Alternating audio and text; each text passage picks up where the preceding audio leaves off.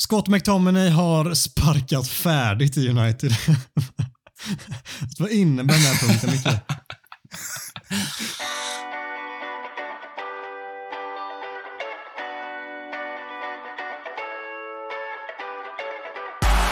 Manchester United score? They always score. Rooney!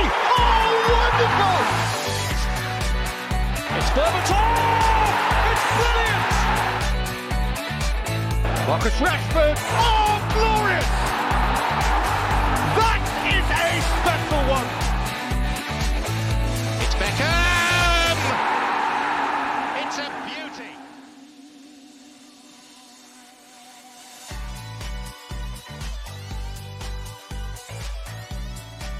Känn er sådär asvarmt välkomna till ännu ett avsnitt av United-podden. Podcasten som du inte visste att du längtade efter. United-podden görs i ett stolt samarbete med både den officiella supporterklubben MUS och United-redaktionen på Svenska fans. Det kanske inte är samma sprudlande energi som inför säsongen-avsnittet som vi dansade oss igenom på mål genom förra veckan. Men här är vi, dagen efter den blytunga starten på säsongen som innebar 1-2 hemma mot Brighton. Har du repat dig något Mackan? Nej, jag har fan inte det. Jag, jag, jag tänkte säga ja, men eh, svaret är nej. Jag, eh, jag valde att eh, eh, gå ut och eh, dränka mig i öl efter, eh, efter förlusten. Så eh, nu så 11.41 dagen efter så känner jag att eh, det kanske inte var det bästa beslutet, men jag känner också att det var ett beslut som behövde tas. Så, eh, men repad, repad är jag inte. Det är jag inte. Det kommer nog ta några dagar. Du gick ju runt här förut och anammade din inre Jonas Björkman. Får vi ett citat där? Nej, det får Vad brukar Björkman säga? Eh, Jag vet inte. Det är ett ord som börjar på L, men vi kan låta det vara, tänker jag. Det är inte första gången du är inne och fördärvar. Ja, den biten kan du få i alla fall. Den, eh, den kan vi nog släppa igenom poddproduktionen. Nej, det, det, var, det var deppigt att se det Mackan, men eh, kul att du sitter här i alla fall och ändå finns fortfarande. Hur deppig har du tillåtit dig själv vara sedan slutsignalen Micke? Nej, men eh, fruktansvärt deppig. Jag, var ju, jag blir ju alltid Jonas Björkman vid, vid den typen av matcher och, och skulle säga i topp eh, ja, men 16 eh, argaste supporterna under match. Men eh, det bästa med mig är väl ändå att eh, mitt hetsiga humör har förmågan att jämna ut sig ganska snabbt. Så jag har väl hämtat mig och nu är jag ganska lugn. Blev inga öl igår eh, alls faktiskt. Men eh, eftersom jag hade sån fruktansvärd energi eh, förra veckan och utlovade ja, vad var det jag sa ordagrant? Det bästa och mest energifyllda avsnittet någonsin denna veckan så, så är väl fallhöjden ganska kraftig, känner jag. Jag vet inte du, du har det Adam, men eh, det känns som jag går på tunga sedimentmediciner idag. Heter det så ens? Alltså, Det får stå för dig alltså. Det får verkligen stå för dig. Jag, eh, jag känner mig närmast yrvaken. Eh, det kanske är för att jag typ är det också i och för sig, men eh, det... Fan, det... Någonstans vet man att det här finns... Att det är en hyfsad chans att det faktiskt blir en riktig så här käftsmäll i första matchen. Med tanke på hur United har varit. Men ändå sitter man ju där som vi gjorde förra veckan och som alla andra sportrar. Förutom några sunda människor som liksom inte får upp sina förhoppningar. Men eh, vi, vi satt där och tänkte nu jävlar, nu ska det vara så jävla gött. Och eh, så kommer den smockan rätt på snoken och så eh, blir man så jävla besviken ändå. Det är alltså, när de gör 2-0 där, det var ju luften bara flög ur den. Så det var ju superpyspunka. Ja. Nej, Jag vet inte hur du, hur du är Mackan, för med att du ofta är arg. Nej, jag vet inte hur du är med förväntningar generellt. För du, jag tycker du var ganska, ganska återhållsam förra veckan. Du kändes lite sådär, ja, mm, vi får se. Ja. Men givet att du inte var lika övertaggad som jag och i viss mån Adam då. Eller? Du visste Nej. det skulle komma? Ja, nej, det visste jag absolut inte, men eh, jag och Adam kollade matchen med vår kära Fabian Jalkemo eh, på en bar ute i Göteborg. Och jag kände väl så här när 1-0 kom bara att, att det var mer, inte, inte en, alltså jag blev inte arg, utan det var mer så här, ja, kör vi igen då. Nytt år, ny säsong, samma skit. Jag tror att, jag tror att jag är lite skärrad efter förra säsongen. För förra säsongen var inför, var jag, det är nog första gången på många år som jag verkligen har byggt upp en tro och att det här kan bli någonting bra. Och så blev det sån jävla pannkaka. Så jag vet inte, jag är, jag är återhållsam på ett sätt som jag, jag... Jag kanske inte bygger upp mina förväntningar så mycket. För då, då är jag rädd att det ska ja, bli skit liksom. Det, det var ju verkligen som du säger när 1-0 kommer som man alltså börjar kännas ordentligt. Då blir det väl mer konkret. Men jag tyckte den direkt vet, när Bruno skjuter det skottet rakt mm. ovanför mm. ett field goal efter åtta minuter. Och fan det, då, känner man så här, ah, det är en sån dag liksom. Det är det vi ska få framför oss. Att vi missar ett par chanser där man känner att det är sliding door moment där Gör vi 1-0 där så är det en helt annan grej. Men så kommer inte det och så gör de ett jävla skitmål och så blir det just så att de gör ett jävla skitmål som alltså ett jättevackert mål såklart, men för oss är det ett skitmål. Och eh, det är klart att det blir så och sen så är den dagen förstörd och så är det en jävla uppförsbacke nu istället. Det var en tuff bortamatch näst och sen har vi Liverpool hemma i tredje matchen och vi kan eh, möjligen gå härifrån med noll poäng första tre omgångarna. Det, det ska inte bli så, det bestämmer vi här och nu, men det finns ju extrema farhågor ja, för det. det. det. ska också läggas till som, som Micke skrev i vår chatt att eh, Brighton är bra. Liksom. Det, är ett bra fotbollslag. Eh, man, glömmer typ det inför varje år. Fan, Brighton är ganska bra. Liksom. Det, det är konstigt att man känner så. Att man, man, eller att man glömmer bort att de faktiskt är ett bra fotbollslag. De är inte så pass bra att 2-1 hemma är acceptabelt och man går vidare, utan de är ett bra fotbollslag som inte ska underskattas. Men det, gör, det betyder ju inte att Uniteds prestation på något sätt är godkänd. Det, men det finns också den den lilla, lilla vinkeln att Brighton också är bra. Men det, det är inte det man, det är inte det man fastnar vid efter den matchen. Jag verkar, vi ska komma till det sen, verkar det ta lite udden av mitt, eh, mitt kommande resonemang här Mackan, men du, du har helt rätt. Jag håller faktiskt med dig i, i allt du säger. Eh, det är två det är två separata delar där. Dels Brightons eh, prestation, men också vår icke-prestation. Men jag vill bara ta fasta på det Adam sa, för att det var verkligen nästan läskigt nu när du säger det. På tal om Liverpool och på tal om Brunos eh, satellit eh, som han skickade över mål där. Det var ett sliding door moment som jag tror inträffade också i den här 05-smällen, eller om det var i 04-smällen. Jag minns inte alla smällar mot Liverpool. Men i alla fall så hade Bruno en het chans i någon av de matcherna. Och jag fick exakt samma känsla den här gången. Visst, bollen studsar, mm. eh, Bruno kommer i fart och ska liksom bara trycka in den, men i normalfall så sätter han en sån eh, ja, men åtta gånger av tio. Han gör inte det nu för han är inte i den, i den formen, men där och då så kände jag bara nej, det blir en sån här match igen. Och så får man sina farhågor besannade när, när de här två målen kommer. och 0-1 fine, liksom, det går ju att hämta sig från, men 0-2 målet är ju med tanke på hur stabila Potters lag har sett ut de sista åren. Det är tufft. Alltså. Mm. när de gör två mål, de gör ju sällan det, men när de gör det så är de extremt svårslagna. Vi ska kliva rakt in i det här snacket tänker jag direkt. Vi, det, märks ju som, alltså, det märks ju väldigt tydligt på er och mig att vi vill prata så mycket om den här matchen nu för vi har lite känslor som att det är så pass tätt in på. Men innan vi gör det så vill jag bara gå vidare med att passa på att tacka alltså ödmjukast för den överväldigande responsen vi har fått på det senaste avsnittet inför säsongen avsnittet. Vi försöker svara och tacka varenda en av er som hört av, eh, av sig. Mm, om vi skulle ha missat någon så vill vi rikta ett stort tack nu till er. Och kul att ni är så många som lyssnar och uppskattar podden. Trots Uniteds kräftgång så finns det alltid anledningar till att vädra åsikter och ha lite småtrevligt tillsammans. Så tusen tack. Det är fan inte våran eh, insats eh, som skälper United, det kan vi väl konstatera. Då. Lite, lite lätt högtravande. ja, lite lätt högtravande höv, vad heter det, hövtragande. Där har vi avsnittsnamnet avklarat. Hövtragande, det är gött faktiskt. Ja, nej, nu ska vi sluta slå oss på bröstet och så kör vi igång ordentligt.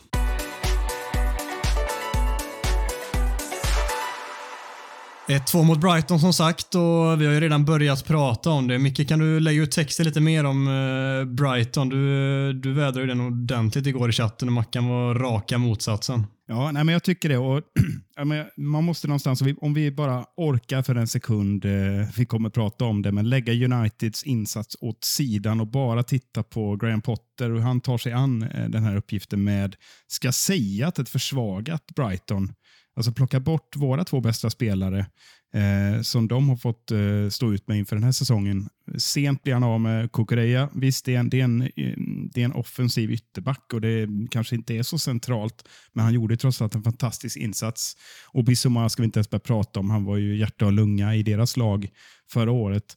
Han kommer alltså till ett spel här med en mittfältsdiamant som han dessutom överraskar eh, United med och Ten Hag med ordentligt med att, med att vikta den väldigt offensivt. Eh, det, det, är helt sanslöst. En, en ny uh, ung spelare kastade in den här 20-åringen som jag redan har glömt namnet på. Uh, som gjorde en fantastisk insats på, på mittfältet. Kan någon hjälpa mig snabbt med det namnet?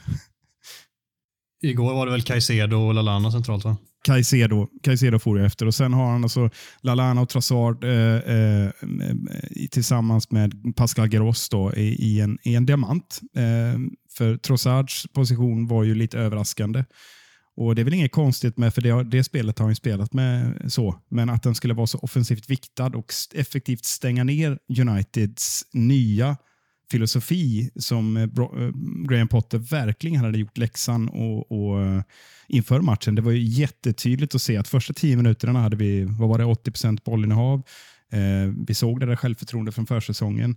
Men efter en stund så klev Brighton upp hårt på oss och när de dessutom fick liksom vittring i form av att Fred slog en felpass till Trossard och, och Maguire började bli, få många touch på bollen så, eh, så blev de ju modiga. Och sen när, när liksom 1-0 målet kom, ja, men då, då var ju deras strategi lyckad och då klev de upp ännu hårdare. Och sen som jag såg någon lång analys på, på Twitter, jag ska inte tillskriva mig det själv här, eh, men jag, jag, det här såg jag själv i matchen. Men sen, precis som konstaterades, som jag upptäckte Eh, efter matchen att eh, Brighton spelade ju inte upp bollen en enda gång. Målvakten slog en lång boll varenda gång. Det brukar straffa sig, speciellt när man har Harry Maguire eh, och McTominay på plan som borde vinna en hel del dueller. Men det var anmärkningsvärt få dueller som vi vann, vilket gjorde att Brighton kunde starta sina anfall högt upp. Och Då blir det ingen, eh, det var det noll riskminimering för dem, vilket innebar att vår effektiva press som vi har praktiserat under försäsongen, vi fick inte testa den ah, knappt någon gång. De slog bara gång på gång långboll. Så, så, och det, det slog ju sönder vårt försvarsspel. Och när du då, det här behöver man inte vara fotbollsanalytiker för att förstå, när du då får starta anfallen mot en hög United-backlinje och framförallt du har en Harry Maguire som står högt och du har en Danny Welbeck som är duktig på att löpa och hitta löpningar i boxen. Då är, då är det inte märkligt att det blev som det blev. Och Min avrundning här är att Brighton gjorde en kanonmatch. Potter gjorde en perfekt taktisk insats. Och eh, Med det sagt så avslöjades eh, Uniteds alla svagheter, eh, skulle jag vilja säga. Så det är en kombination här av eh, taktisk briljans från Potter och eh, tyvärr, får vi ändå säga, en oförmåga hos Ten Hag att eh, ändra matchplanen efter att den, blev, den första blev avslöjad.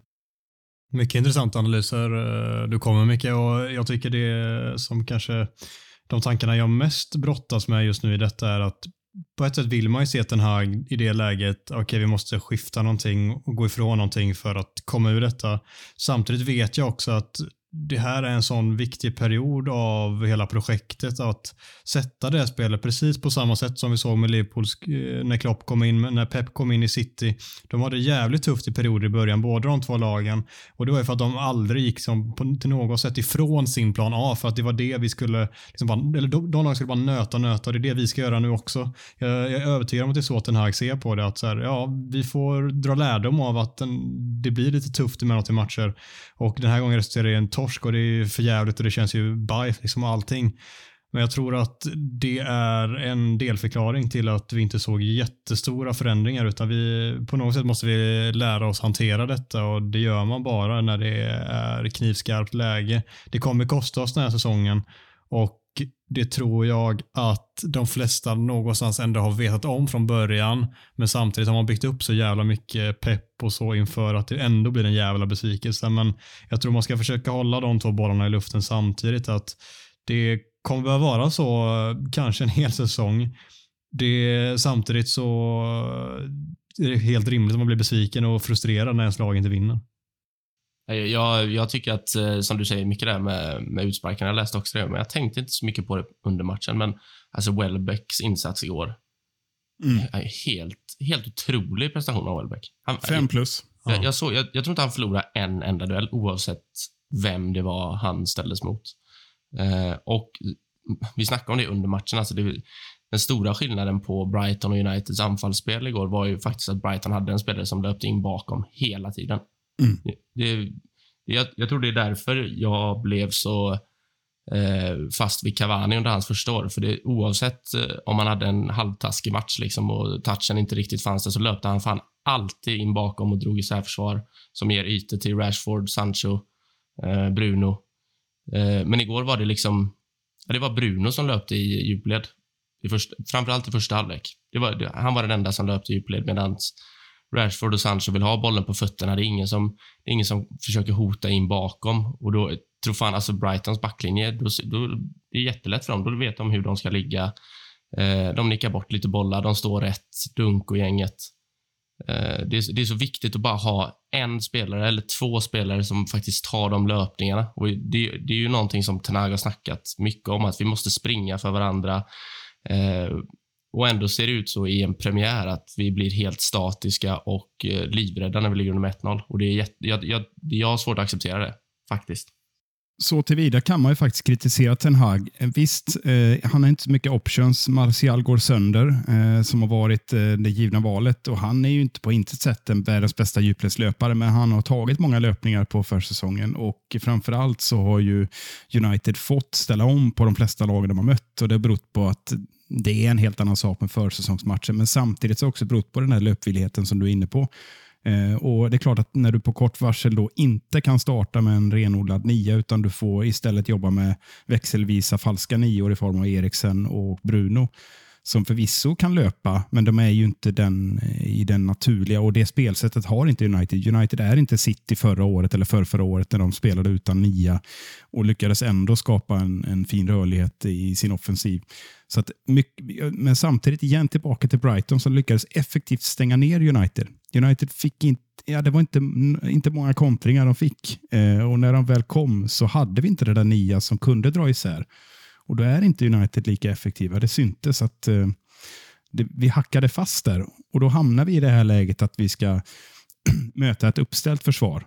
Eh, och Det har vi ju redan sett. Det är, Ten Hag har ju varit alldeles för kort tid för att kunna omedelbart förändra det.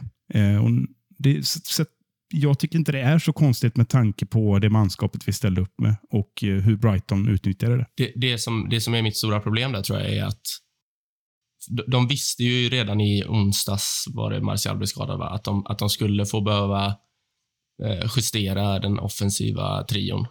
De, alltså, du, behöver inte, du behöver inte vara anfallaren som löper in bakom varje gång. Det, det, måste finnas någonting i både Rashford och Sancho som jag är sjukt besviken på båda. Alltså. Eh, då, Sancho blev helt... Det var som att han var fastklistrad på högkanten, eh, vilket är motsatsen till vad han har varit på försäsongen. På försäsongen har han tagit sig in i banan, tagit emot boll, levererat vidare, gått i djupet. Nu, nu, blev, han bara, nu blev han en högerspringare och det, det är han ju inte. Då, då får han, han får ju ut 20 procent av sina kvaliteter därifrån. Rashford som jag vet Gustav, Gustav tycker att han är ganska bra som anfallare. Liksom. Jag, jag, tycker verkligen att han är helt usel som anfallare, för han har, han har inget djupledstänk i sig.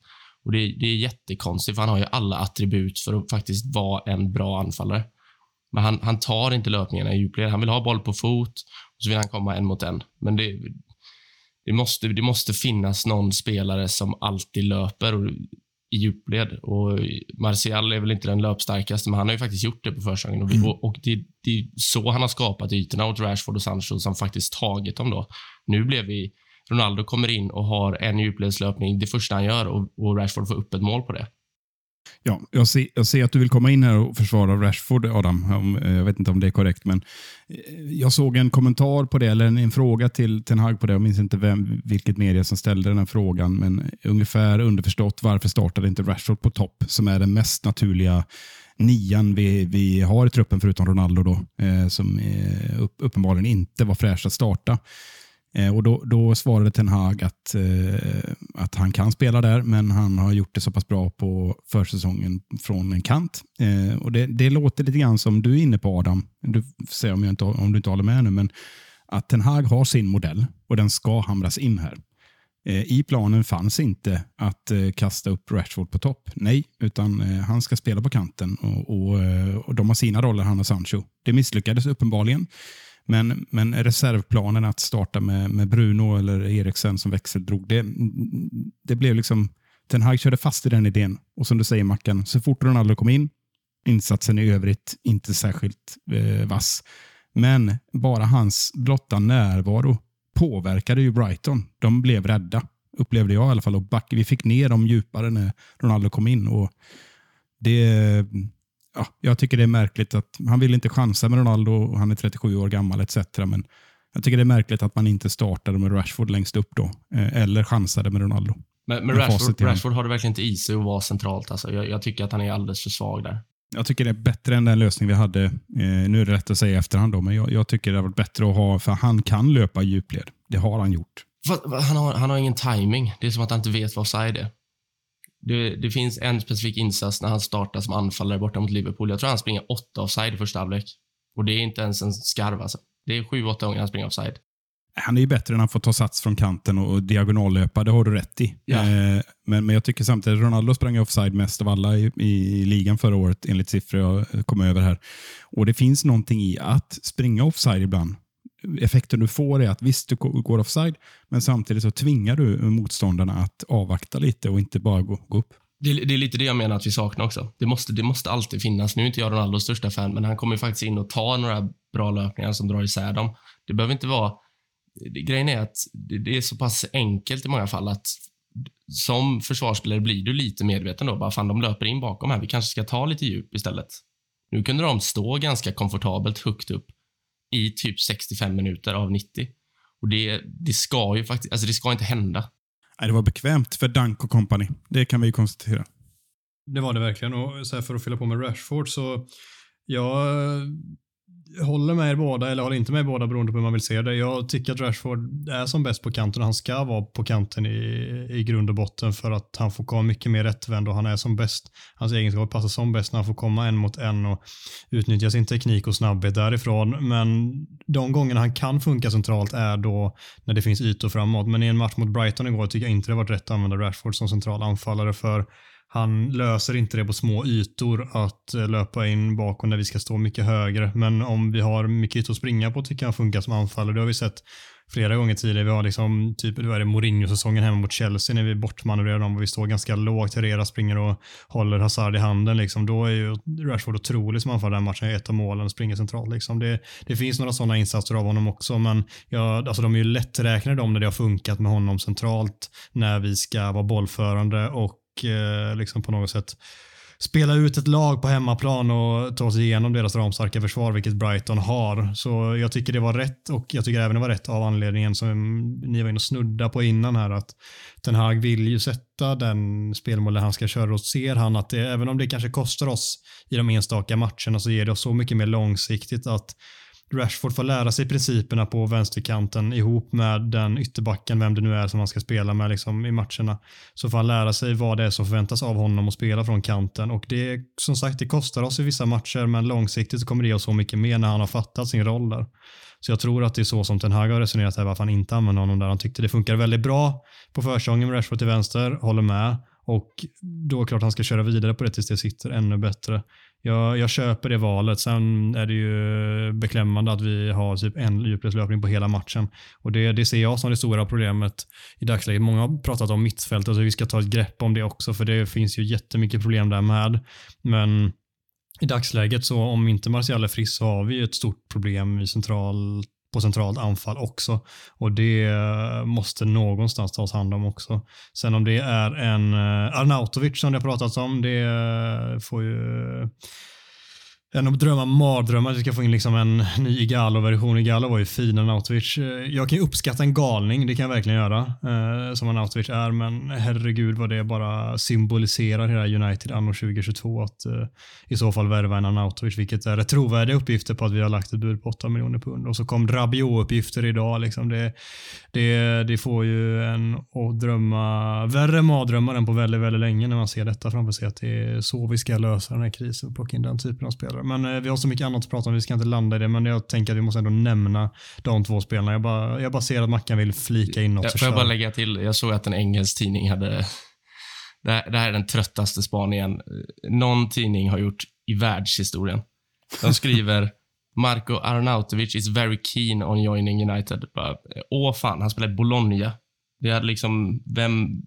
Det, det är ju inte ens en grej. Det är klart som fan han vill gå till United, men det är ju, det är ju ett skämt att vi den 8 augusti med tre veckor kvar av transferfönstret kopplas ihop med en 33-åring som... Eh, han har egentligen aldrig varit riktigt bra. Och... Nej, det, jag, jag vet inte, jag såg att Samuel Luckhurst på Evening News, som jag inte är ett jättefan av, men han skrev att det är, eh, det är respektlöst mot supportrarna och jag håller fan med honom fullt ut i de orden. Så eh, det, alltså det gjorde ju bara allting värre med gårdagen. Jag skrev, jag skrev i vår poddchatt att om Arnautovic kommer så eh, då, då slutar jag medverka i podden i minst två månader och jag står typ fast för det för jag, då, jag, jag hade blivit... Alltså, vad, vad är det som händer? Vad är det för något? Ja, alltså, jag, jag, tar det, jag tar inte det här på allvar i stort sett. Det, om vi ska jämföra lite med, historiska inplockningar. Henrik Larsson kommer in i ett otroligt väloljat Manchester United ska sägas och gör, och gör det fantastiskt. Alltså, han kunde ju spelat ett par år till och, och bidragit enormt mycket med sin erfarenhet. Men det är en, det är en, det är en karaktär som förstärker, eh, liksom inte bara på plan, utan även hela klubben med sitt sätt att vara, sin extrema professionalism. Och ska vi leta motpoler någonstans så, så är väl, finns det väl nästan ingen bättre än Marko Arnautovic som, som minst sagt har visat sig vara en tveksam karaktär som tror han är typ Zlatan eller något eh, i, i, eh, i sin appearance. Och så är det liksom en, jag vet inte riktigt vad det är, en mobbare i nionde klass som springer runt och, och jäser på plan. Har, har väl liksom några få ögonblick i sin karriär när han har känts kraftfull och ostoppbar i någon enstaka halvlek. Men det är ju ett skämt tycker jag att, att eh, United kopplar ihop sig själv med en sån här tveksam karaktär och det har man ju inte varit sen att reagera på Twitter. Och för mig blir det blir mest oseriöst och som du är inne på eh, Mackan, det är, liksom, det är ju respektlöst att vi överhuvudtaget, att det övervägs. Patetiskt. Är det bättre att köra Rabiot och Rabiots agent, eh, a.k.a. morsa då?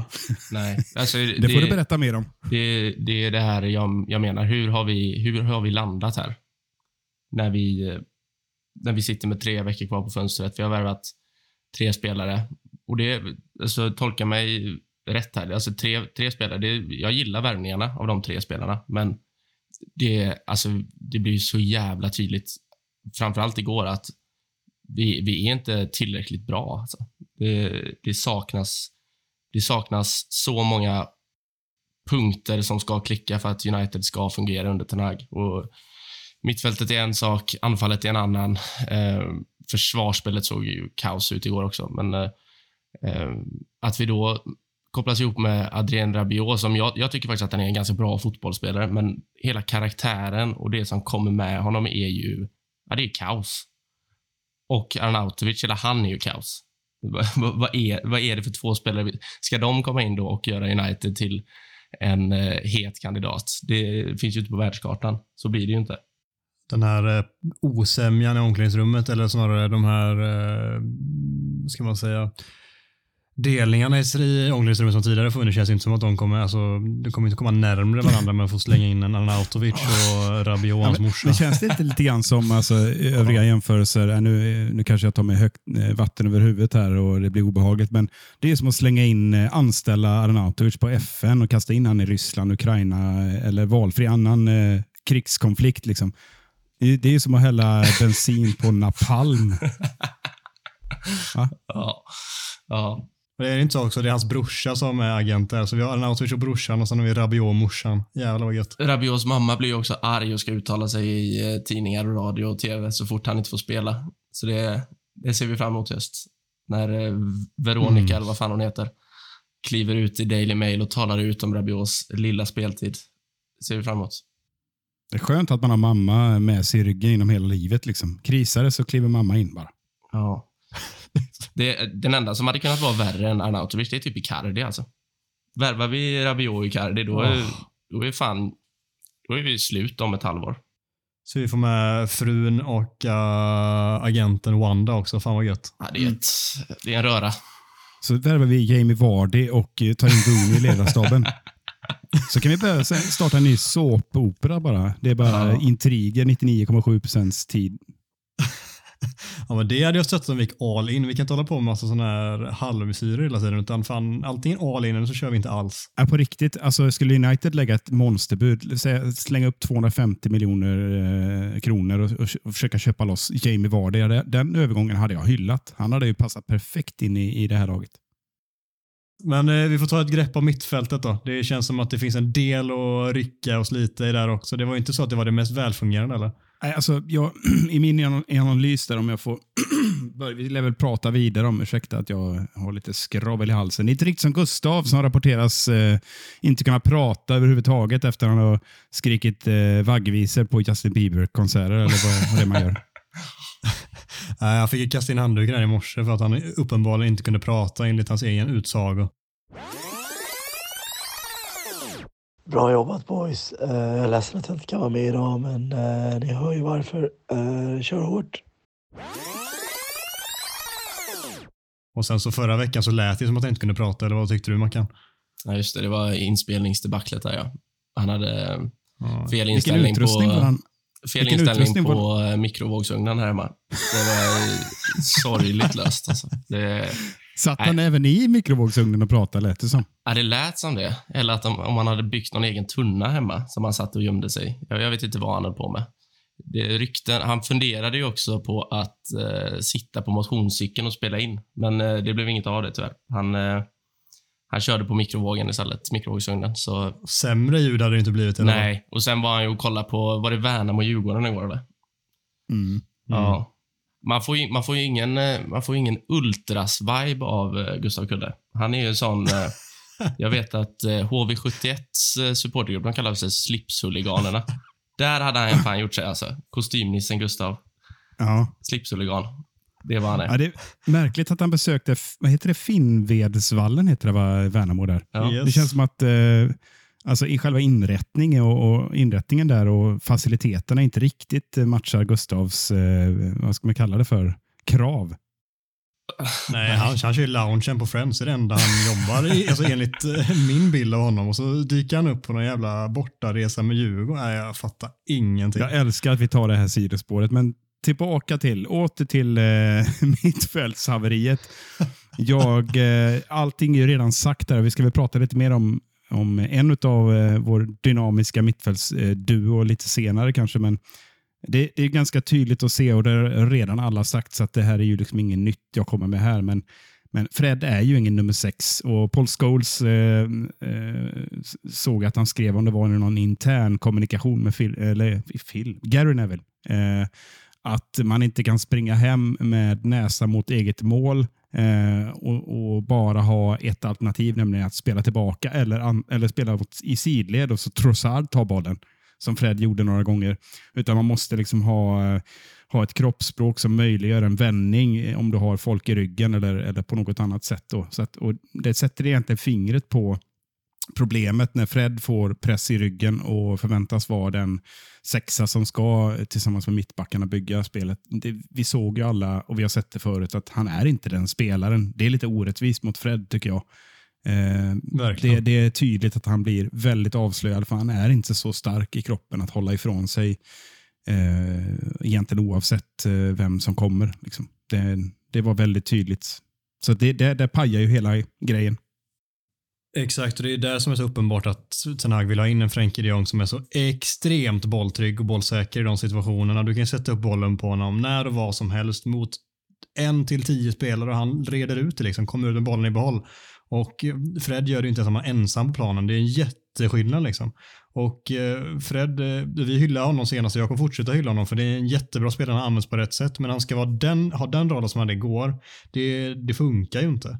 Det, tanken tror jag snarare är att liksom använda en Frenkie eller Frenkis eh, eh D-version Rabiot och sen så bredvid honom i typ McTominay-rollen, där ska Fred spela istället så som McTominay spelade igår. Och det tror jag är ett mycket bättre mittfält. Det är inte toppklass i världen på något sätt eller ens i ligan, men det är gott nog för att vi ska vinna mot Brighton hemma till exempel. Ja, ja, mm, ja, igen, jag tycker vi har ju redan benämnt det nu, men det, det var så tydligt att eh, vi vet redan om förutsättningarna. Och när, när vi försökte spela så här, då lägg, sätter vi allt på ett kort, det vill säga att eh, Fred eh, ska lösa uppspelen tillsammans med mittbackarna. Och det har vi redan, det har vi redan sett att det går inte. Jag såg massa olika trådar kring det här att, att man inte kan spela med 4, 1, 2, 3 som Ten Hag försökte göra med Fred i den rollen. Eh, med, med, ett sånt lag som Brighton som kliver upp och pressar på oss. Alltså, det, det var bara väldigt tydligt, det går inte. Liksom. Så, eh, Kolla skillnaden när Eriksen kliver ner och bara fördelar boll som en...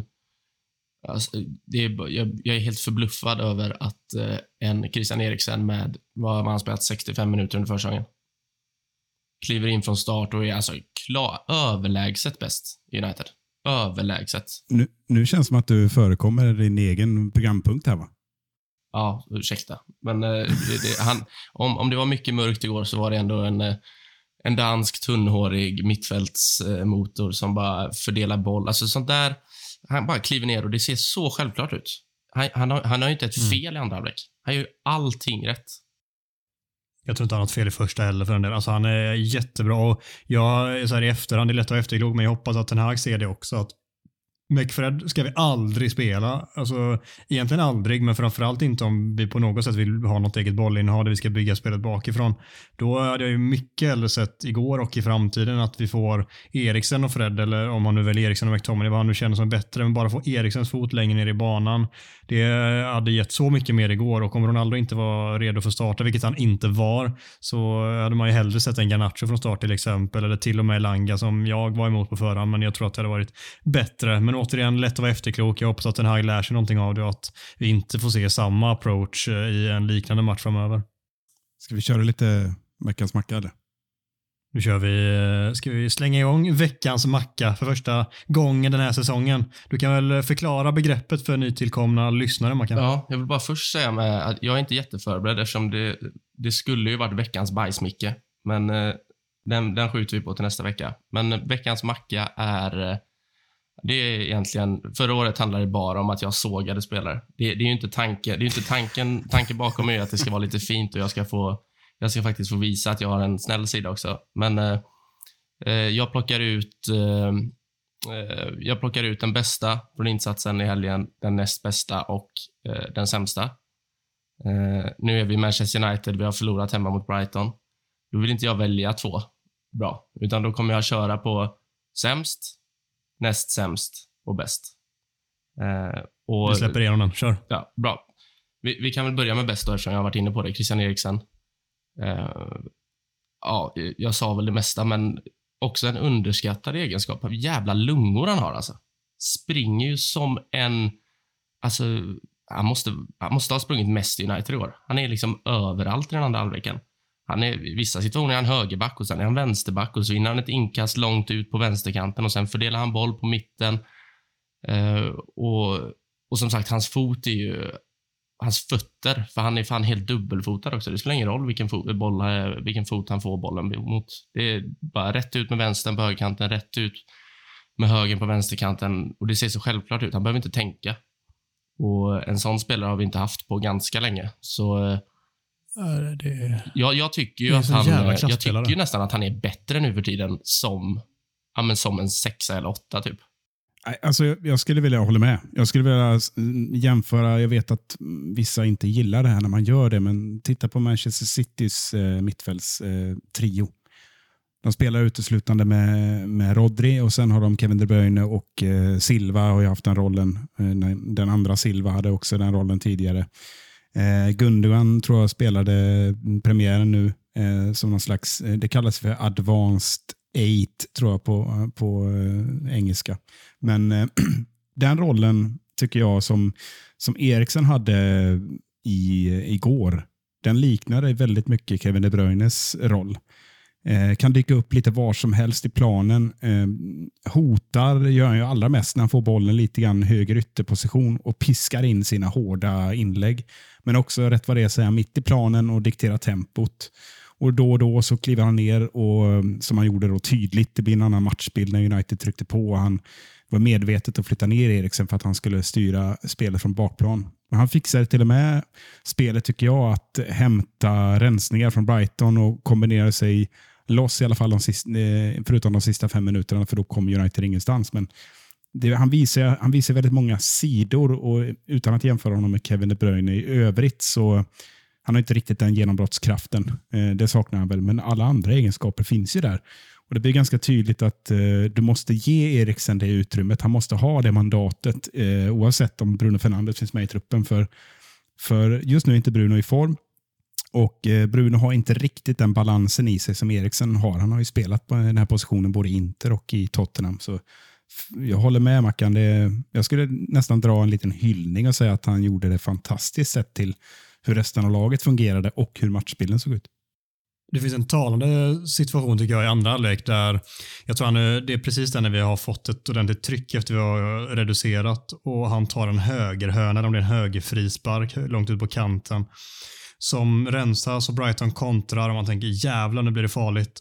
Och så bara gött, vi bröt bollen. Så zoomar de in och då är det Eriksen som är där nere. Hur fan tog han sig dit liksom efter gjort 10, 100 000 maxlöpningar innan matchen. Och så är det han som är där nere och bryter tillbaka. Det är på tal om lungorna som vi pratade om innan. Jag, jag är mäkta imponerad av hans insats och han var ju en särklass gentemot alla andra United-spelare igår. Det var ingen som ens typ touchade på godkänt och han är uppe liksom på minst VG. Det, det är en jätteinsats. Jag tror inte riktigt folk där ute, eh, vilket jag förstår för man tittar ju inte jättegärna åt det hållet när det gått så jävla dåligt, men jag, tror, jag tycker nästan han har fått för lite cred för hur faktiskt bra han var igår i sin premiär i United. Nej, men jag, det var kul att se att han, att han känns så självklar efter 6-5 minuters speltid. Det är fan stor jävla eloge. Eh, på tal om eh, raka motsatsen då. Jag hoppar rakt på sämst. För eh, Scott McTominays insats igår är nog fan det sämsta jag sett av en mittfältare i Premier League. Någonsin alltså. Han har inte ett rätt på 78 minuter. Det är, det är fan... Det, det, det, ser ut som att han aldrig har spelat för United innan. Det ser ut som att man har skickat in en bollkalle och bara du, du är mittfältare idag. Gör ditt bästa, kör. Eh, och springa kan han, kämpa kan han. Eh, men när touchen inte är med honom, när passningsfoten inte är med honom, då ser han ju ut som vilken League 2-spelare som helst. Och igår blev det fan supertydligt att, eh, att mittfältet behöver förstärkas och att Scott McTominay på sin höjd är en truppspelare. Jag håller med. Eh, jag tänker inte opponera. Man kan vara, däremot vara snäll om man ska försöka förklara vad det faktiskt var vi såg. Eh, och jag noterade själv under matchen och, och lite grann resonemanget vi pratade om tidigare, Ten Hag, hur han vill spela, att han vill trycka upp eh, bägge åttorna högt eh, och, och, för att skapa yta till eh, sexan och Fred. Det blev ju avslöjat och eh, eftersom eh, dessutom Brighton förutom sin höga press effektivt stängde ner Uniteds uppspelningsmöjligheter så fick ju McTominay inte chansen att göra det han är bäst på, nämligen att pressa högt på ett lag som försöker spela upp och genom Uniteds mittfält. Då är han ganska stark. Men som jag sa innan, han, han eh, vann inte särskilt många luftdueller med, med tanke på alla långa, långa utsparkar från målvakten. Eh, och Då blir det nästan parodiskt när han, bollen går över huvudet på honom hela tiden och han ska ju i sina styrkor trycka upp och komma i andra våg i straffområdet. Men United fick ju sällan in inlägg. Han kommer ju sällan i sådana lägen. Utan det blev en match för, jag vet att eh, jämförelsen inte håller här, men när Anders Svensson spelade i, i eh, Southampton eh, så hade han väl någon vidrig tränare eh, och, eh, som bara förordade sparka spring 4-4-2. Han sprang ju runt en halv säsong med, när bollen bara gick över huvudet på honom. Det är inte samma spelare, men det blir lite på samma sätt för Scott McTominay. När han inte får chansen att tjurusa upp och, och bryta och liksom vara effektiv, då, då, då faller ju hela grejen med att ha honom på plan. Och sen, som du är inne på Mackan, eh, det blir ju nästan parodiskt när han i den här matchsekvensen får bollen eh, fritt framför backlinjen, kan avancera, kan välja att spela eller gå på avslut. Hela den situationen 7-8 touch senare slutar med att han åker på ett gult kort med orangea kanter och är väldigt nära att åka ut. Det, det tycker jag egentligen symboliserar när det går fel för McTominay. Då ser det så här parodiskt ut. Så det var ingen lätt match för honom, men samtidigt håller jag med dig. Det var nog fan det sämsta jag har sett eh, någonsin eh, United på mittfält. Jag Behöver inte säga så mycket mer, men jag tycker det är ganska talande att beskriva det som att han har två betongblock på fötterna. Det, ingenting funkar. Liksom. Det, det, det är intressant att se att en spelare på den nivån inte får ut någonting på, ja det var inte 90 minuter han spelade, men snudd på 70 78. Att han, men, att han var kvar så länge. Det, det, ja, det är förvånansvärt. Det, det som kan störa mig ännu mer är att eh, för han är ju en spelare som, spelar han enkelt och eh, som Micke, du är inne på, får pressa högt och ta sina andra vågslöpningar så är han ju faktiskt duglig. Men igår när han väl får bollen så ska han försöka göra något svårt. Alltså din, din roll är att fördela boll till de mer kreativa spelarna och löpa mycket. Du ska inte hålla på och dribbla och trycka dig igenom ett Det är väl han som tappar boll vid 1-0? Japp, det är det. Han ska försöka dribbla två pers och bli av med den och så blir det kontring och så mål Ja. istället. Genidrag. Nej, men eh, nu har vi pratat för länge om det. Men eh, näst sämst, eh, kanske, alltså det, många utmanar om den här punkten. Men eh, många säger nog Bruno och det, jag, jag kan hålla med om det. Eh, men jag, jag, jag väljer fan de Gea. Jag tycker att eh, dels fortfarande, han har, han har liksom noll pondus. Det, det finns ingenting. Jag såg på eh, Everton-Chelsea på lördagen och Mendy bara går ut och dominerar sitt straffområde som om det inte vore någonting. Och det gör sån jävla skillnad. Eh, sen har vi hans fötter. Det har väl gått 8-9 minuter när han bara slår ut en boll rakt över sidlinjen. Helt opressad. Va- va- vad gör du? Vad gör du? Det, det blir sån skillnad när man har sett Mendy, Ederson, Allison bara pinga 40 meters krossar rakt på bröstet på ytterback. De Gea har verkligen inte det i sig. Och returen han släpper på 2-0 målet tycker jag, det är typ inga som pratar om det. Det, det, är, ett- det är ett okej okej skott liksom.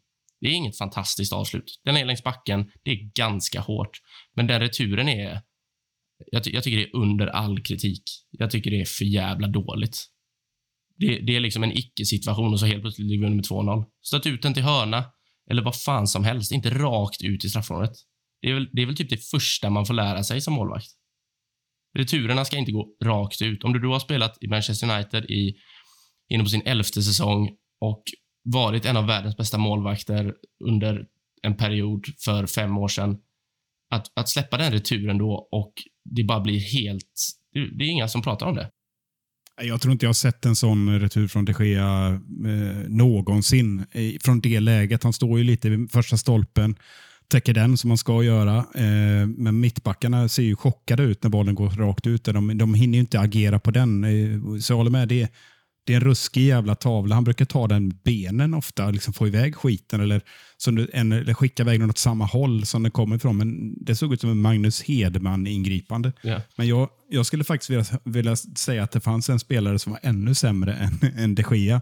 Jag tycker Luke Shaw eh, visar att han är helt slut. Ja. Han är inte, han är inte, trä, han är Ah. inte fulltränad. Det blir väldigt tydligt. Han är icke-spelare igår han alltså. hängde inte med i någonting. Alltså, han, det såg ut som han inte orkade. Så, Det, det är Ja. tråkigt också, för han har ju så jävla mycket i sig för att bli en perfekt vänsterback under Ten Hag, tror jag. Och han har någon sekvens där han faktiskt driv, bryter boll och driver upp. Och han har ju jäv, alltså han, är, han är ju fortfarande snabb. Han ser ut som en liten köttbulle när han kommer, men det går snabbt alltså. Så det, det, det var många som var dåliga och det kanske är tung, eh, alltså för hårt att lasta det på de Gea att han är näst sämst. Men jag, jag tycker att det förbises, alltså den aktionen som han faktiskt gör när det blir 2-0. Jag tycker att det är Jag tycker det du säger också med fötterna är så jävla intressant för han, är, han har en smått unik egenskap där han kan vara helt opressad och sen stå med bollen tills han blir pressad och få fullständigt panik och så skicka den ut till sidlinjen.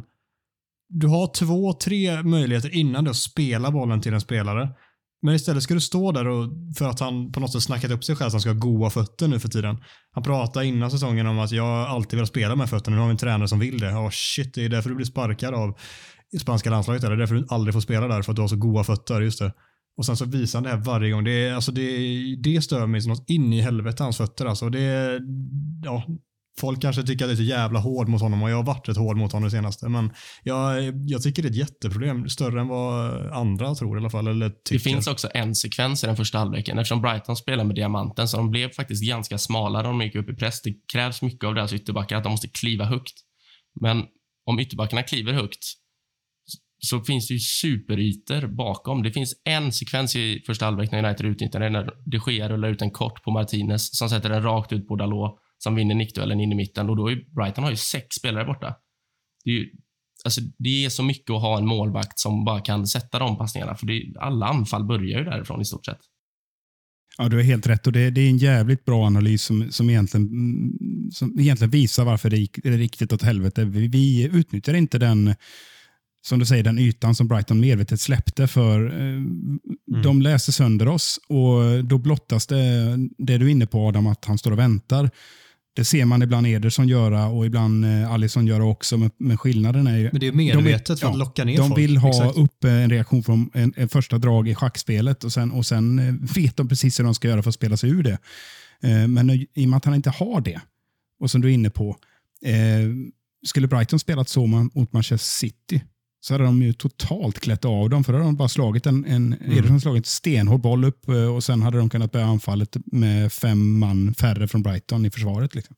Men det, Exakt, och sen hade inte Brighton vågat kliva så högt upp för de blir straffade en, två gånger Mm. och sen så har man vunnit den, den kampen i matchen och så helt plötsligt så har man liksom alltid världen på bollen plötsligt och så kan man jobba därifrån. Men vi är så jävla, alltså vi har ju spelare som är världsmästare på att sätta sig själva i skiten för att de är dumma liksom eller inte har de tekniska färdigheterna och det kan jag förstå om Ten Hag eh, sliter liksom sitt icke-hår för. Men då, vi, har, vi har nämnt De Gea och Shaw i alla fall och de två tycker jag är fullvärdiga att vara sämst på plan då efter uh, Scott McTominay. Ja. Det, sen, vi måste också säga, det, det hade nästan kunnat gå till varenda spelare förutom Eriksen. Egentligen. Jag tycker Martinez är okej också. Men det är liksom... jag skulle vilja ändå... Jag tycker att mittbackarna Ja. gör det rätt jag, okej. jag skulle alltså, vilja lyfta upp. Maguire också. Jag tycker inte han gör en dålig match. Han, han har för dåligt rykte. Han är inte perfekt och han blir avslöjad vid eh, framförallt första målet. Eh, det är hans stora svaghet och det är, alla vet ju det. Men i övrigt så, jag tycker att både han och Martinez är godkända. Jag tycker inte man kan lasta dem för det här eh, haveriet. Det, ty, det ty, jag måste säga att jag, jag håller med dig där. Och eh, även om första målet sker bakom honom, det måste finnas någon typ av kom, eh, alltså kommunikation där. För han Bollen ska inte få slås. nej, och han vet trots ju inte att, han vet inte att. Welbeck kommer in bakom honom. Det måste finnas någon som, alltså, det, det, det är jävligt hårt att lasta det på Maguire. Jag tycker faktiskt han gör en ganska bra insats, men eh, det, försvarsspelet är ju fortsatt kaos och då, då blir det inte mer än okej, kanske godkänt på mittbackarna eftersom det ändå på något sätt är deras ansvar att se till att vi sitter ihop bakåt. Och det, det gjorde vi absolut inte första halvlek. Det kunde ju Brighton såga sig igenom tre, fyra gånger ganska enkelt. Gött hörni, vi har snackat 50 minuter och vi är inte ens på Talk of the Town så vi kör igenom dem rätt snabbt och det gör vi här och nu.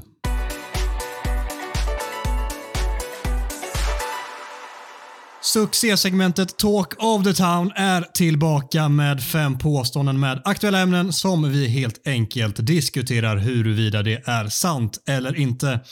Veckans första punkt som Micke ska få ta hand om direkt och eh, kanske förklara lite grann lyder så här. Glazers säljer klubben senast innan året är slut. Mm. Ja, men det här är ju inget nytt på något sätt, men eh, bakgrunden till varför vi väljer att plocka upp det nu är ju givet eh, ja, fiaskot i säsongspremiären, men kanske framförallt ett en av Uniteds stora klubbikoner. Gary Neville med darrande underläpp i Sky Sports sändning går ut och eh, i stort sett eh, deklarerar att nu får det fan vara nog. Nu är det dags för Glazers. Tillfället har kommit. Nu ska de sälja klubben. Och visst, med den bakgrunden kan man ju liksom invända och tycka att Nevilles utspel märkligt nog infaller med, eh, i affekt direkt efter en fiaskoartad premiär. Jag tror vi alla är där någonstans. Eh, jag i alla fall. Men visst betyder det en del när en före detta lagkapten som jag var inne på är så pass tydlig som han ändå är, i affekt eller ej. Det blir också extra tillspetsat att utspelet sammanfaller med de planerade och genomförda protesterna som, som var på plats. Jag såg inte hela omfattningen, men jag såg att det var en massiv eh, aktion. Och sen på det att Glazers gjorde ett sällsynt eh, besök på plats. Kanske är eh, normalt att man är på plats på en säsongspremiär med ny tränare och så vidare. Sen lägg till då transfercirkusen som pågår och de här nya namnen som vi har nämnt. som är liksom, Det blir nästan patetiskt. Och sen har vi den här som avslutning då att Ten Hag-hysterin fick liksom inte bara pyspunka utan kanske det var en däckexplosion vi såg igår.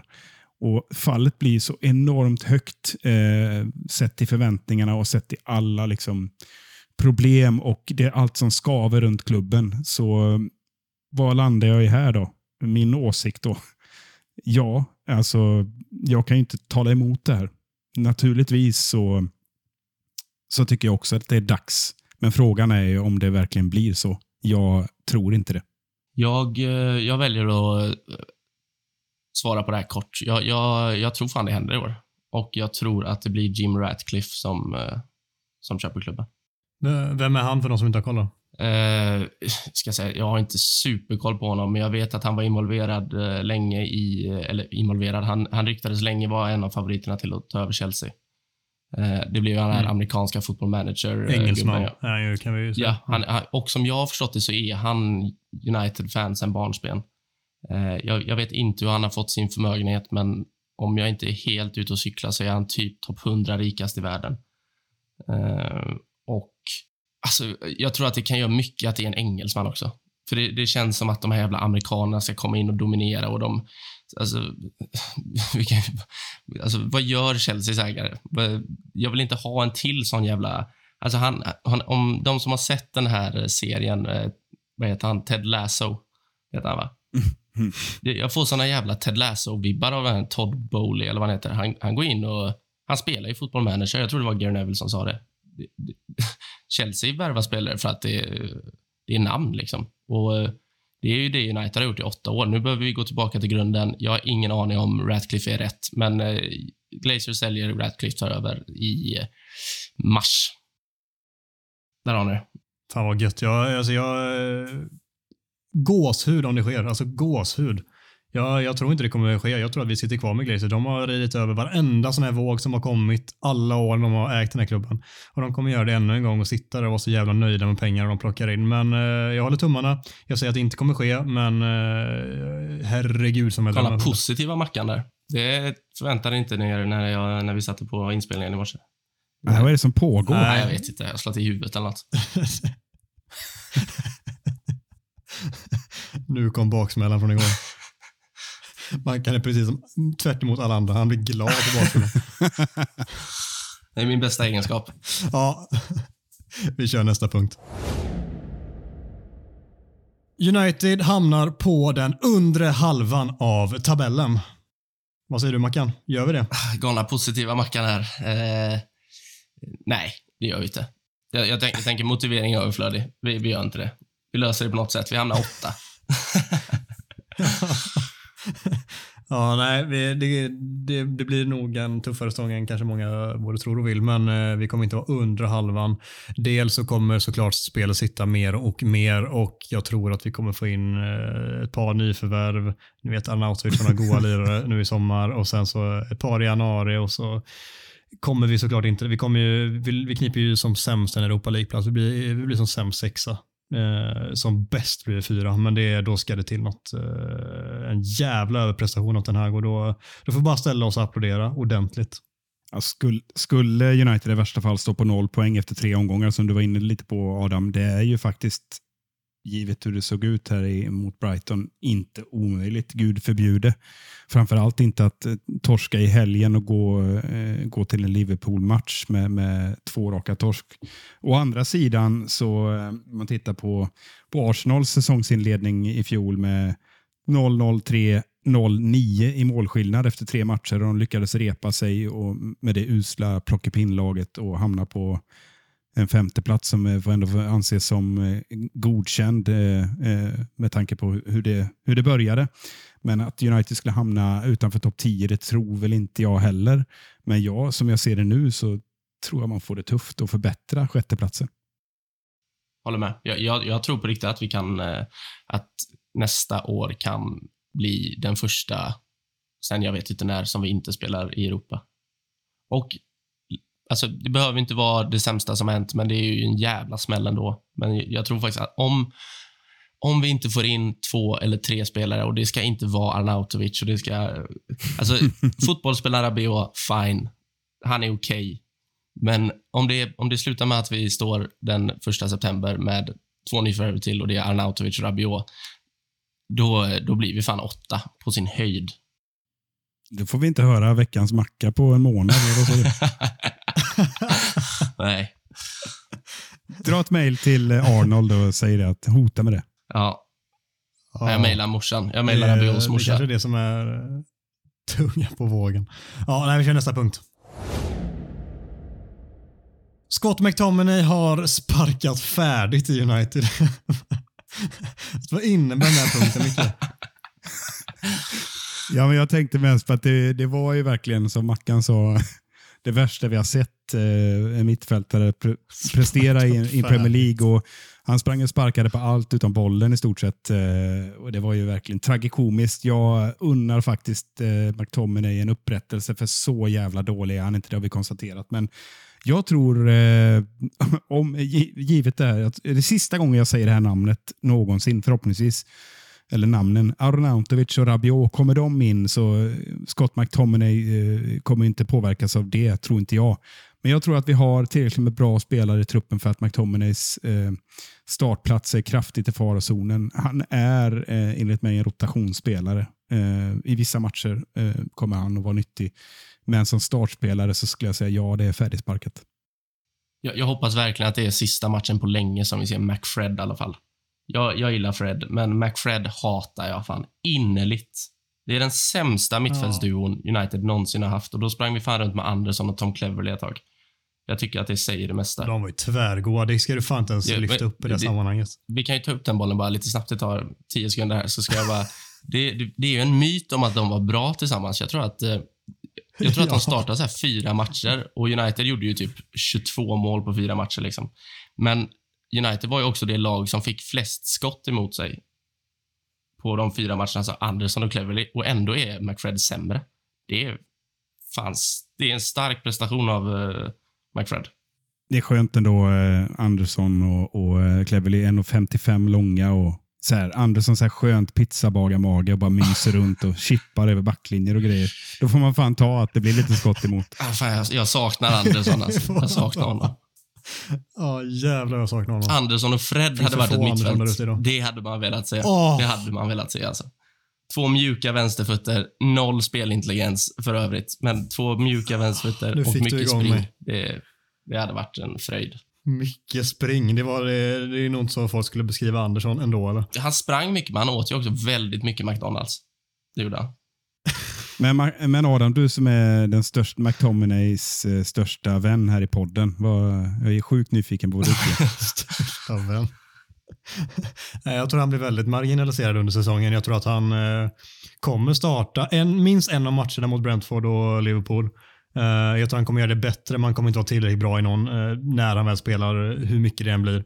Men jag tror att han kommer, som uh, ni var inne på, där, att han kommer bli marginaliserad under säsongen. Det kommer komma unga spelare som Ten Hag sen inser att nej, ja, det är mycket mer värt att liksom forma de här och få dem skynda på deras utveckling och det kommer värvas någon spelare som gör att det blir lite mindre speltid och sen så är han inte eh, någon spelare som startar i match mot Brighton hemma. Och det, det, jag, kanske säger, jag kanske ändå kan säga det. Alltså när transferfönstret är slut så kommer, från och med då så kommer inte McTominay starta i, i en sån match som är liksom typen av Brighton på Vi, hemmaplan. vi får inte heller glömma att vi har en James Garner som sitter på bänken igår.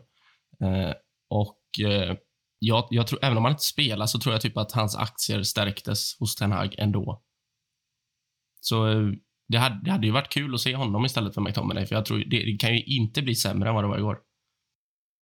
Nej. Och han har ju haft en stökig försäsong också, vilket eh, tyvärr har gjort att, tror att hans eh, aktier inte är så höga som hade kunnat vara just nu. Jag tror inte de är låga på något sätt så, men jag tror att hade han varit frisk från start och spelat alla försäsongsmatcher, liksom varit med delaktig runt laget konstant, så tror jag han hade legat väldigt mycket närmare spel till dagsläget, vilket är tråkigt. Men eh, hans eh, chans kommer väl.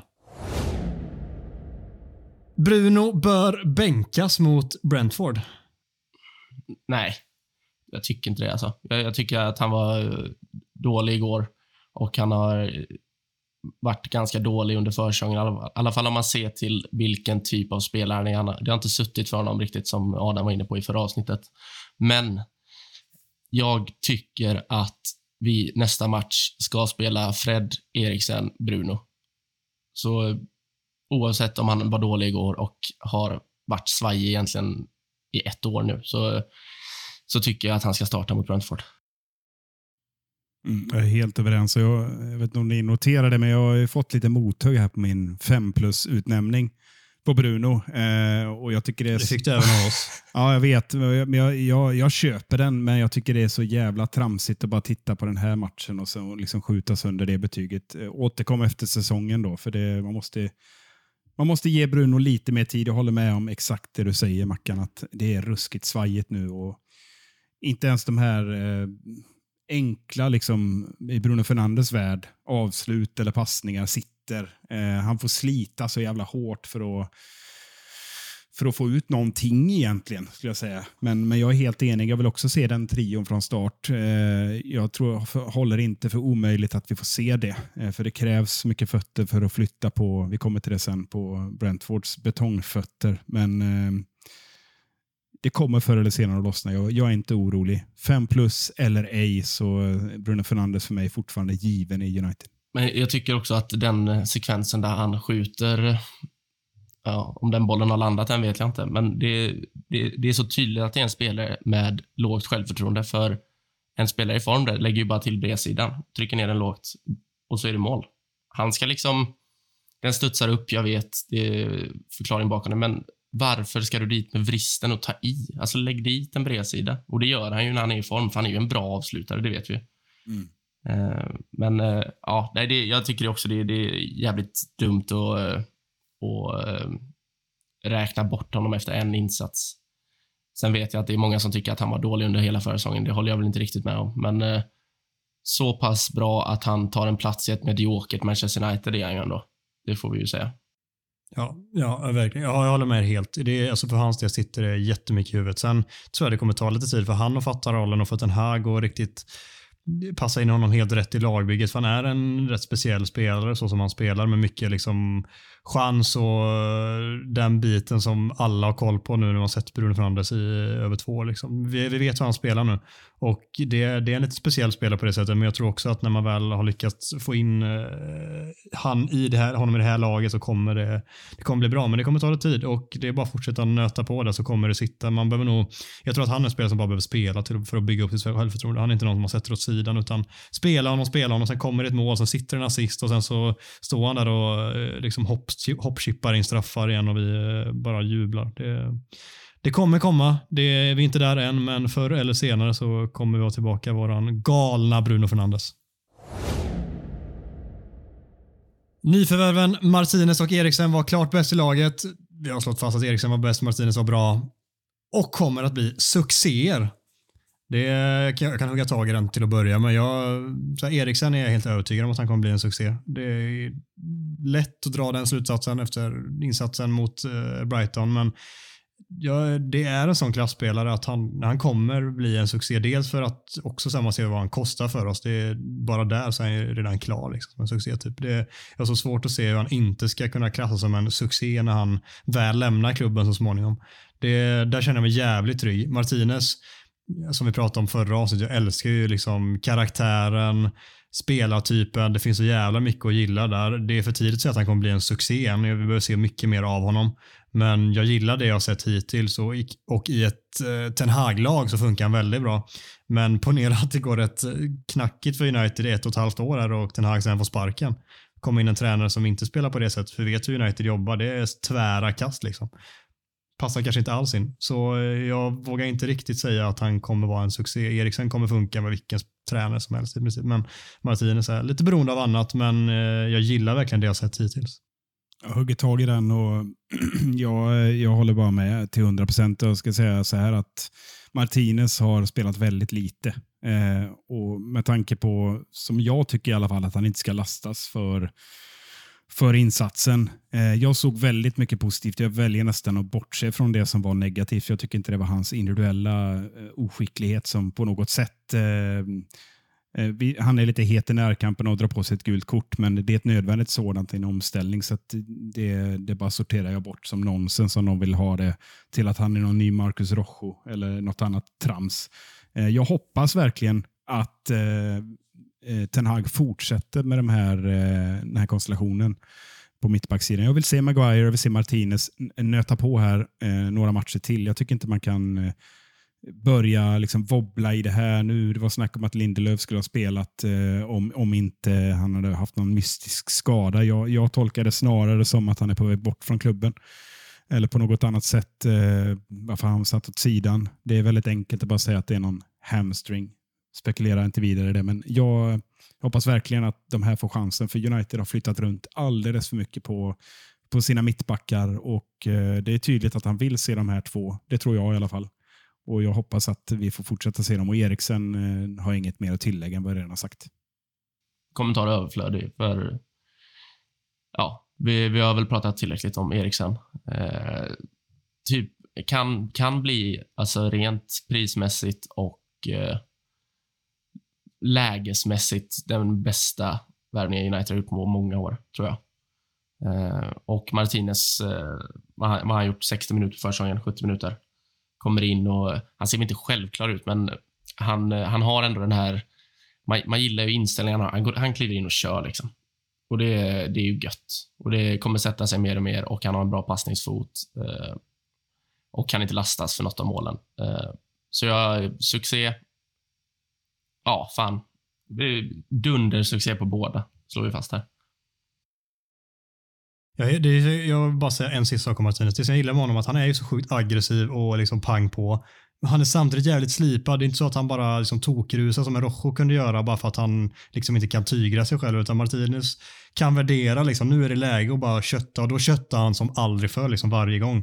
Men sen kan han också avväga, nej det är inte läge att kliva upp här, jag faller istället. Till skillnad från vissa sådana spelare som, som det är all, all, liksom alltid, alltid rakt på bara. Kötta fram pang. Men han är bra på att värdera. Det är en smart spelare där inne som, som vi har. Så det, det ska bli intressant att se honom framöver när han får växa in i det här laget. Det, det ska bli sjukt spännande.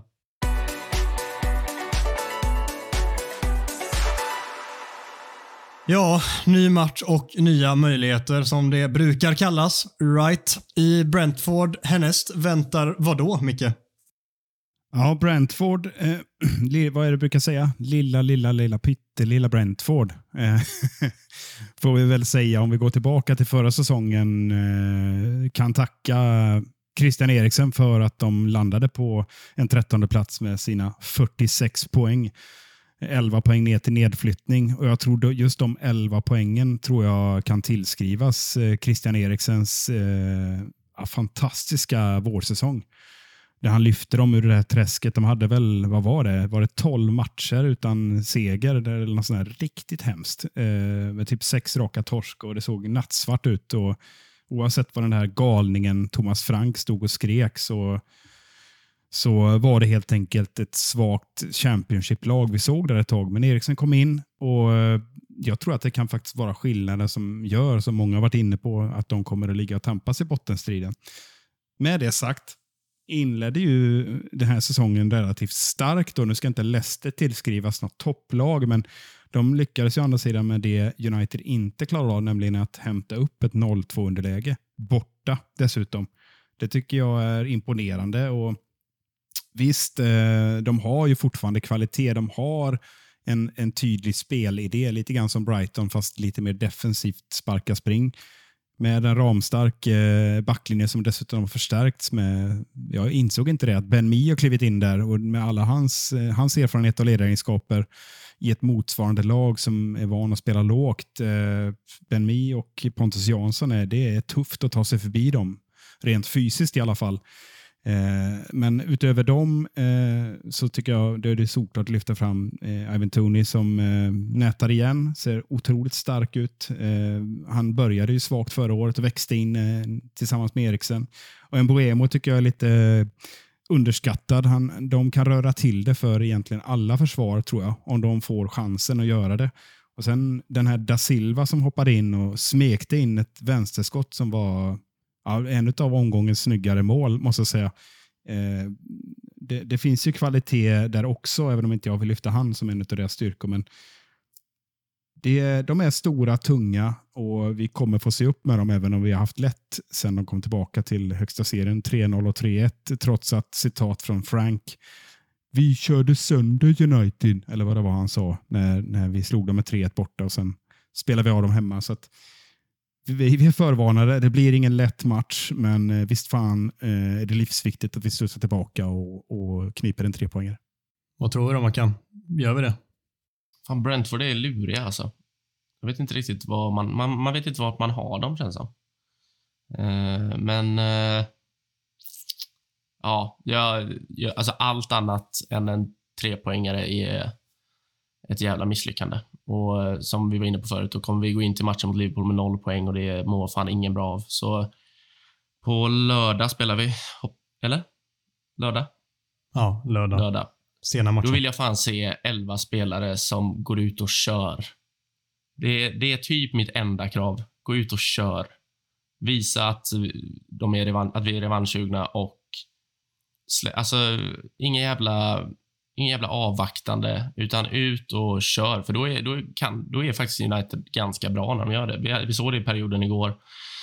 Eh, en kvart, eh, 10 minuter, 15 minuter i den andra halvleken när vi faktiskt forcerar och har bra fart. Då, då är vi ett bra lag. Eh, så det vill jag. Ut och kör så blir det tre poäng. Vad tror vi då? Är det eh, anfallslösningen i den här matchen? Är det att köra på liknande sätt fast de får slipa på det? Eller är det släng in Ronaldo från start igen, Micke? Jag tror Ronaldo startar. Eh, han, har en timme i sig i alla fall. Det borde han rimligen ha. Och all annan logik, alltså det är ologiskt att inte göra den förändringen eftersom Martial är väl ett par, tre veckor bort från att, äh, från att starta. Men vi får se om... Det första som sades var att han tidigast kan spela mot Liverpool, Martial, men troligen blir det väl senare än så. Ja, det känns så. Och det är tredje matchen då är ju Liverpool. Ja, och det känns så. Det känns som att det, annars har vi något. eh, Om inte Ronaldo startar så kommer det bli enorma spekulationer, även om Ten Hag vill kyla av det med att han inte är riktigt i fit liksom, och, och det tar tid etc. Men det är inte första gången Cristiano Ronaldo går in i en, i en ny säsong. Även om han är äldre så jag köper inte riktigt det snacket. Utan då blir det snarare konspirationsteorin att han är på väg bort. Eh, att han inte vill starta honom. Jag tror han startar eh, och jag tror att det kommer att göra, ge laget mer balans. Det, det lär nog bli så. Jag har svårt att se något annat också. Det känns som att få en ytterligare en träningsvecka i benen. Det, det känns eh, logiskt utifrån sett att det blir så. Och eh, Det ger oss, som du säger, en bättre balans och förmodligen en större chans till att vinna matchen.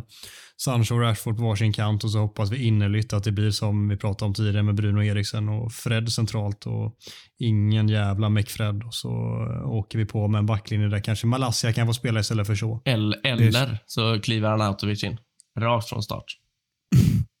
Och Rabiot. Då blir jag fan rabiat. wow. Dum, dum. Ja. Ja, vad kul sagt Jag är rolig. Ja, herrejävlar. Jag tänker att vi snack, eh, snackar inte så mycket mer om matchen eh, härnäst än så. Vi har pratat jävligt länge det här avsnittet. Vi eh, ska avsluta med tippning. Det gick ju jättebra senast. Alla tippade vinst och det blev precis raka motsatsen. Micke, vad känner du inför den här matchen? Får vi den gruvliga revanschen och vinner? Ja, men, eh, 4-0 var ett katastroftips senast naturligtvis. Det var lite eh, i, Det i min naiva energi som jag befann mig då. Men eh, nu får jag väl ändå anses vara lite mer balanserad. Jag tror att United vinner matchen. Jag vet inte hur vi gör det, men jag tror att vi vinner med 3-1. För jag tror att vi kommer få in första målet, vilket gör att vi tvingar Brentford att spela på ett annat sätt. Och Sen gör vi faktiskt 2-0 eh, och sen blir det en sån där reducering som blir obehaglig. Men eh, kanske en av våra pigga inhoppare, Elanga eller Garnacho, kontrar in eh, eh avgörande 3-1 eh, på slutet. Det är mitt tips. Mysigt, mysigt. Vad tror du Mackan?